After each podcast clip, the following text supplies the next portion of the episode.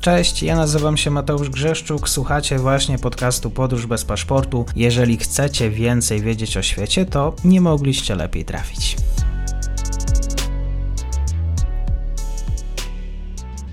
Dobry wieczór wszystkim słuchaczom. W ramach dzisiejszej audycji prezentowaliśmy też, jak perspektywa ukraińska, znaczy jak sprawa ukraińska jest y, traktowana przez poszczególnych graczy międzynarodowych. Brakuje tutaj y, Niemiec, Niemiec, y, wokół których no, dużo się mówi, ale w kategoriach te, tej klęski. Zapytam się panią profesor, czy to prawda. Moim gościem jest pani profesor Monika Sus, Instytut Studiów Politycznych Polskiej Akademii Nauk oraz Hertie School in Berlin.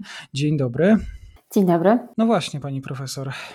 Jak patrzę po opiniach ekspertów, e, również i w Polsce, na Ukrainie, to tutaj e, wskazuje się, że ta niemiecka zachowawczość wobec Putina, no właśnie, klęska, czy jak to rozumieć? Tak, no to jest na pewno bardzo ciężki tydzień dla niemieckiej polityki zagranicznej i bezpieczeństwa i można powiedzieć kilka rzeczy z takich najbardziej ogólnych, być może rozpoczniemy, bo tak pewnie będzie najwygodniej dla Państwa to warto zauważyć, że w tym tygodniu wydaje mi się przewartościowała się niemiecka polityka wschodnia, a także inaczej możemy spoglądać na, mm, na ten czas, w którym Angela Merkel była kanclerzem, który do niedawna był jeszcze postrzegany pozytywnie w przeważającej większości. Natomiast no, od wczorajszej nocy, od, od inwazji pełnej inwazji e, Rosji na Ukrainę, bo jak wiadomo, atak Rosji na Ukrainę trwa od 2014 roku praktycznie nieprzerwanie, natomiast jak wiadomo, ta inwazja uzyskała teraz nowy wymiar, którego Niemcy się absolutnie nie spodziewali i do końca wierzyli, że e, Putin e, ograniczy się do wspierania separatystów we wschodnich regionach Ukrainy. Mm, no, okazało się, że nie mieli racji.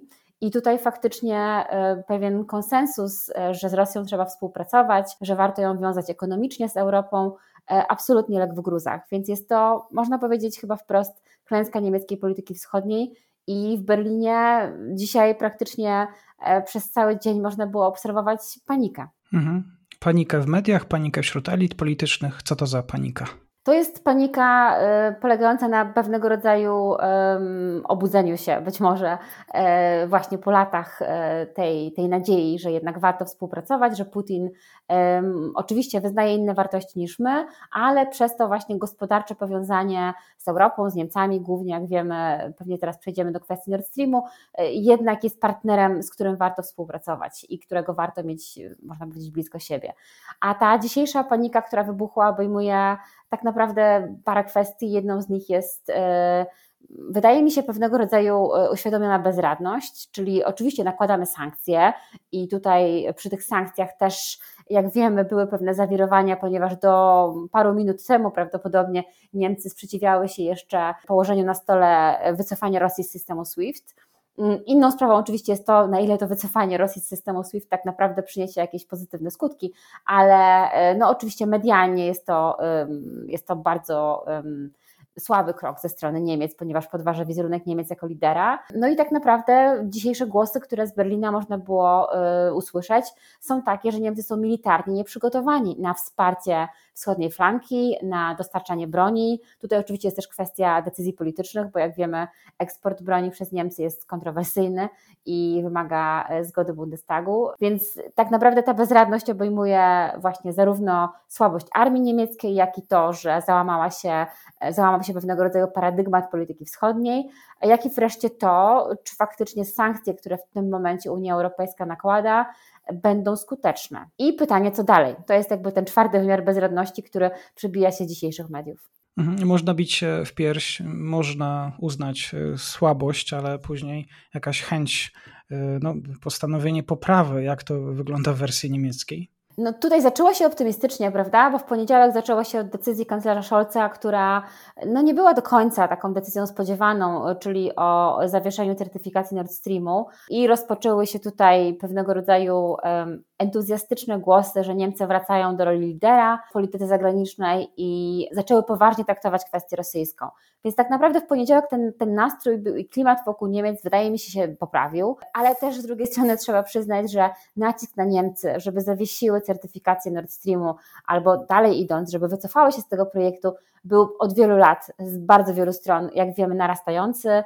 Mieliśmy przecież sankcje amerykańskie nałożone na Nord Stream, Polska, kraje nadbałtyckie, ale także wiele innych partnerów europejskich nawoływało, żeby, żeby ten projekt został zawieszony, więc ta decyzja w poniedziałek była długo wyczekiwana, ale można powiedzieć w pewnym sensie dalej zaskakująca, pozytywnie zaskakująca. No ale właśnie dzisiaj znowu mamy chaos komunikacyjny, właśnie SWIFT, słabość armii niemieckiej, e, pewnego rodzaju niewiarę w to, co się dzieje, więc pozostaje mieć nadzieję, że Niemcy, że tak powiem, w ciągu paru następnych godzin, paru następnych dni odnajdą wspólną linię komunikacyjną między poszczególnymi ministerstwami, bo z tym też dzisiaj był problem i faktycznie staną bardzo mocno za tymi sankcjami, które Unia Europejska wprowadza. Wiemy, że teraz e, został wprowadzony kolejny pakiet sankcji nałożonych na Rosję, to są jak do tej pory najsilniejsze sankcje, jakie Unia Europejska nałożyła na jakikolwiek kraj. I są to również też, warto o tym wspomnieć, sankcje nałożone najszybciej w historii Unii Europejskiej, bo jak wiemy, takie procedury w Unii Europejskiej trwają. Niemcy oczywiście są jednym z krajów, które musiały się na te sankcje zgodzić, natomiast na pewno potrzebujemy daleko idących sygnałów ze strony Niemiec, na przykład właśnie polegających na, na eksporcie broni, a tutaj to, ten temat na razie nie jest podejmowany przez niemieckich polityków, przez media oczywiście tak, przez ekspertów też, ale nie mamy jasnej decyzji politycznej, czy Niemcy faktycznie będą w stanie, będą, będą, będą e, wyrażały taką chęć dostarczać Ukrainie broni albo dozbrajać w sposób zdecydowany wschodnią flangę. Jest to jednak pozostałość po pewnej pani polityk, która jest można powiedzieć, uznawana za jedną z tych y, bardziej barwnych postaci, skutecznych, y, wzbudzających i autorytet, i charyzmę, czyli y, można rzec, że to, co się dostało w spadku Olafowi Scholzowi, to jest również konsekwencja tego, co pani Merkel przez lata realizowała właśnie w Berlinie. Tak, absolutnie. Oczywiście, tak jak powiedziałam na początku, to jest e, absolutna porażka linii Merkel wobec Rosji. Merkel dzisiaj bardzo krótko zabrała głos, to też e, nie jest w zwyczaju byłych polityków niemieckich, żeby angażować się w aktualne polityczne debaty, więc to jest w pewnym sensie zrozumiałe. No i oczywiście ten głos, który, e, który podniosła, był jak najbardziej potępiający agresję rosyjską na Ukrainę i nawołujący Unię Europejską, NATO i Zachód generalnie do właśnie podjęcia sankcji. Nie odniosła się w żaden sposób do, do tego, że jej polityka polityka była błędem, ale tutaj warto też podkreślić, że, że to nie tylko kanclerz Merkel, prawda? Tak naprawdę jeszcze do, do niedzieli wieczór, w niedzielę wieczorem był taki e, dosyć znany e, niemiecki show polityczny Anne Will, w którym występowała e, między innymi jedna z znanych, znanych posłanek partii AfD, która cały czas uparcie w tym programie twierdziła, że nie będzie um, agresji rosyjskiej na Ukrainę i tak naprawdę dopiero dzisiaj przedstawiciele partii AfD e, przyznali, że się mylili w ocenie Putina. Więc to jest tak naprawdę z polskiej perspektywy no, trochę przerażający obraz, e, nie tylko wydaje mi się niewiedzy historycznej, który za tym stoi, ale także pewnego rodzaju naiwności która jest obecna w niemieckim dyskursie politycznym wobec Rosji, takiej naiwności, która właśnie, jak powiedziałam, polega na tym, że z Rosją trzeba współpracować, że być może nie myślimy e, tak samo w każdym elemencie nie wiem, wartości politycznych, ale warto z Rosją współpracować. Dzisiaj wszystkie głosy, jakie z Berlina można usłyszeć, są takie, że jest to zaskoczenie i że jest to zmiana tego, e, co Niemcy do tej pory jakby wyznawali w swojej polityce. Tak jest. O polityce Berlina wobec Ukrainy profesor Monika Sus, Hertie School w Berlinie, Instytut Studiów Politycznych Polskiej Akademii Nauk. Bardzo dziękuję. Dziękuję serdecznie. I to już koniec na dzisiaj. Zapraszam na profil podcastu Podróż bez paszportu na Facebooku, Instagramie i Twitterze. Zachęcam też do wsparcia mojej pracy na serwisie Patronite oraz Buy Coffee. Do usłyszenia.